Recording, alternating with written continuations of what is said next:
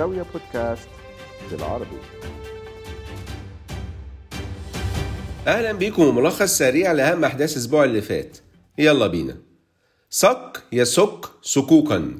طار يطير طيرانا. لا دي مش حصة لغة عربية. ده ملخص لحصاد الأسبوع للي ما عندوش وقت يسمع باقي البودكاست. لكن اللي عنده أقل من عشر دقايق فالقصة هي إن مصر أخيرا طرحت أول صكوك إسلامية. أو خلينا نكون أكثر دقة. صكوك متوافقة مع مبادئ الشريعة الإسلامية. في اكتتاب بلغت قيمته 6.1 من عشرة مليار دولار لكن مصر كانت محتاجة بس 1.5 مليار دولار لمدة ثلاث سنوات. يعني الإقبال على الصكوك كان أكثر من أربع أضعاف وكان معظم المستثمرين الإقليميين من دول الخليج وشرق آسيا ودول أوروبية ومن الولايات المتحدة الأمريكية. تم تخصيص حوالي 60% من الطرح للمستثمرين في منطقة الشرق الأوسط وشمال أفريقيا. ده غير الإقبال الكبير من مستثمري الأسواق الناشئة العالميين. الهدف من الطرح من ناحية الحكومة المصرية كان البحث عن مصادر تمويل جديدة ومتنوعة وسداد إحدى السندات المستحقة في فبراير. اللي أصدر الصكوك هي وزارة المالية المصرية من خلال الشركة المصرية المالية للتسقيق السيادي. بعد مصادقة مجلس النواب على مشروع قانون الصكوك السيادية هيكلة الصكوك دي بتقوم على أساس شراء حق انتفاع بأصول عقارية من قبل الشركة المصرية المالية للتسقيق السيادي وإعادة تأجيرها لوزارة المالية. وعلشان كده الصكوك دي هي صكوك إيجارة. وبما إننا بنتكلم عن الصكوك فحكومة دبي سددت صكوك إسلامية بحوالي واحد واحد من عشرة مليار دولار. كانت طرحتها قبل كده من سنوات للمساهمة في تمويل مشاريع للبنية التحتية. المبلغ ده بيشمل صكوك بقيمة 750 مليون دولار كان تم إصدارها في يناير 2013 بالإضافة لصكوك بقيمة 300 مليون دولار بيتم سدادها أربع سنين قبل ميعاد استحقاقها. طبعا الأداء القوي للإيرادات العامة في العام المالي 2022 نتيجة نمو اقتصاد دبي ساهم في دعم توجه الحكومة لتعزيز وضع الدين العام من خلال خفض الالتزامات المالية وبالتالي التكاليف التمويلية. وفي الوقت اللي حكومة دبي بتسدد أكتر من مليار دولار الجزائر بتخصص مليار دولار لتمويل مشاريع تنموية في أفريقيا من خلال الوكالة الجزائرية للتعاون الدولي من أجل التضامن والتنمية. ودي الجهة المعنية بتنفيذ سياسة الجزائر للتعاون الدولي في المجالات الاقتصادية والثقافية والاجتماعية واللي تم تأسيسها من ثلاث سنين. الجزائر بقالها فترة بتقوي علاقاتها بأفريقيا. أما في المغرب فالتضخم سجل مستويات قياسية في يناير بعد ما ارتفع ل 8.9% القراية الأعلى من التسعينيات وأعلى بكتير من توقعات البنك المركزي المغربي إنه يكون 3.9% في المتوسط السنة دي. والسبب هو في غيرها أسعار المواد الغذائية اللي ارتفعت ب 16.8% في يناير على أساس سنوي. وخلونا نكمل حكاية المليار دولار. السعودية هي كمان بتودع مليار دولار عند البنك المركزي اليمني الجزء المعترف به دوليا في عدن مش الجزء اللي في صنعاء واللي بيسيطر عليه الحوثيون.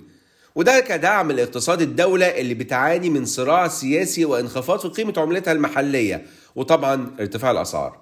في السعودية إجمالي الصادرات ارتفع ب 1.1% على أساس سنوي في ديسمبر عشان توصل ل 29 مليار دولار تقريبا بالرغم من تراجع الصادرات غير النفطية ب 24% ل 6 مليار دولار ولكن مع زيادة الصادرات البترولية من الناحية التانية ب 11% ل 23 مليار دولار. ومع ارتفاع الواردات ب 17% على أساس سنوي ل 16.5 مليار دولار تقريبا الميزان التجاري للسعودية سجل فائض باكثر من 12 مليار دولار. أما قطر فحققت فائض في الموازنة بتاعتها ب 24.4 مليار دولار في 2022 وده رقم قياسي مقارنة بالفائض اللي ما عداش نص مليار دولار في 2021 والسبب؟ إن قطر كأحد أكبر منتجي الغاز الطبيعي المسال في العالم استفادت من ارتفاع أسعار النفط والغاز بعد اندلاع الحرب الروسية الأوكرانية واتجاه أوروبا لتنويع مصادر الطاقة بعيدا عن روسيا. ارتفاع أسعار النفط والغاز زودت من فوائد الدول الخليجية وبالتالي من السيولة المتاحة للاستثمار من جانب القطاع العام وكمان من جانب القطاع الخاص. على سبيل المثال شركة المراعي السعودية استحوذت مؤخرا على 48% من شركة بيتي أحد أكبر منتجي الألبان والعصائر في مصر بحصة سوقية حوالي 27% في صفقة قيمتها حوالي 68 مليون دولار تم تمويلها من التدفقات النقدية الداخلية لشركة المراعي. وبكده المراعي هتكون ملكة لبيتي بالكامل. المراعي كانت وعدت رئيس الوزراء المصري إنها هتستورد من مصر بعض المكونات والمواد الخام الزراعية زي العصائر المركزة والمكونات الغذائية الزراعية التانية تقريبا بقيمة 240 مليون دولار سنويا. مثال تاني بس من القطاع العام جهاز أبو ظبي للاستثمار صندوق الثروة السيادي التابع لحكومة أبو ظبي. بيدرس تقديم معارض لشراء 34% من شركة Associated British Ports في بريطانيا. الشركة اللي بتمتلك وبتدير أكثر من 20 ميناء في إنجلترا واسكتلندا وويلز. الحصة المستهدفة مملوكة لمجلس الاستثمار الكندي لخطط المعاشات التقاعدية. في صفقة ممكن توصل لحوالي 2.5 مليار دولار. من ناحيتها دبي بتأكد على موقعها كمركز مالي عالمي مع تلقي مركز دبي المالي العالمي طلبات ترخيص من 60 صندوق تحوط يعني hedge funds بإجمالي أصول تريليون دولار تقريبا. طب إحنا اتكلمنا عن الصكوك فإيه موضوع الطيران؟ خطوط طيران الإمارات هتستثمر 135 مليون دولار لإنشاء مركز لتدريب الطيارين على الطيارات الجديدة لإيرباص وبوينج على مارس 2024 إن شاء الله.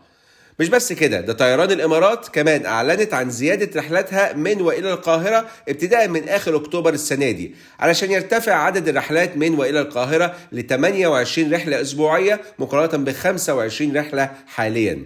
ده كمان الاتحاد للطيران الإماراتية هتزود رحلاتها من بداية صيف 2023 بس للسعودية من 54 رحلة أسبوعية ل 64 مش بس كده ده الإمارات كمان هتبيع طيارات لصربيا الطيارات دي مش طيارات عادية دي طيارات مسيرة هيستلمها الجيش الصربي في خلال خمس لست شهور. لكن حجم الصفقة أو سعرها أو الشركة المصنعة ما تحددش.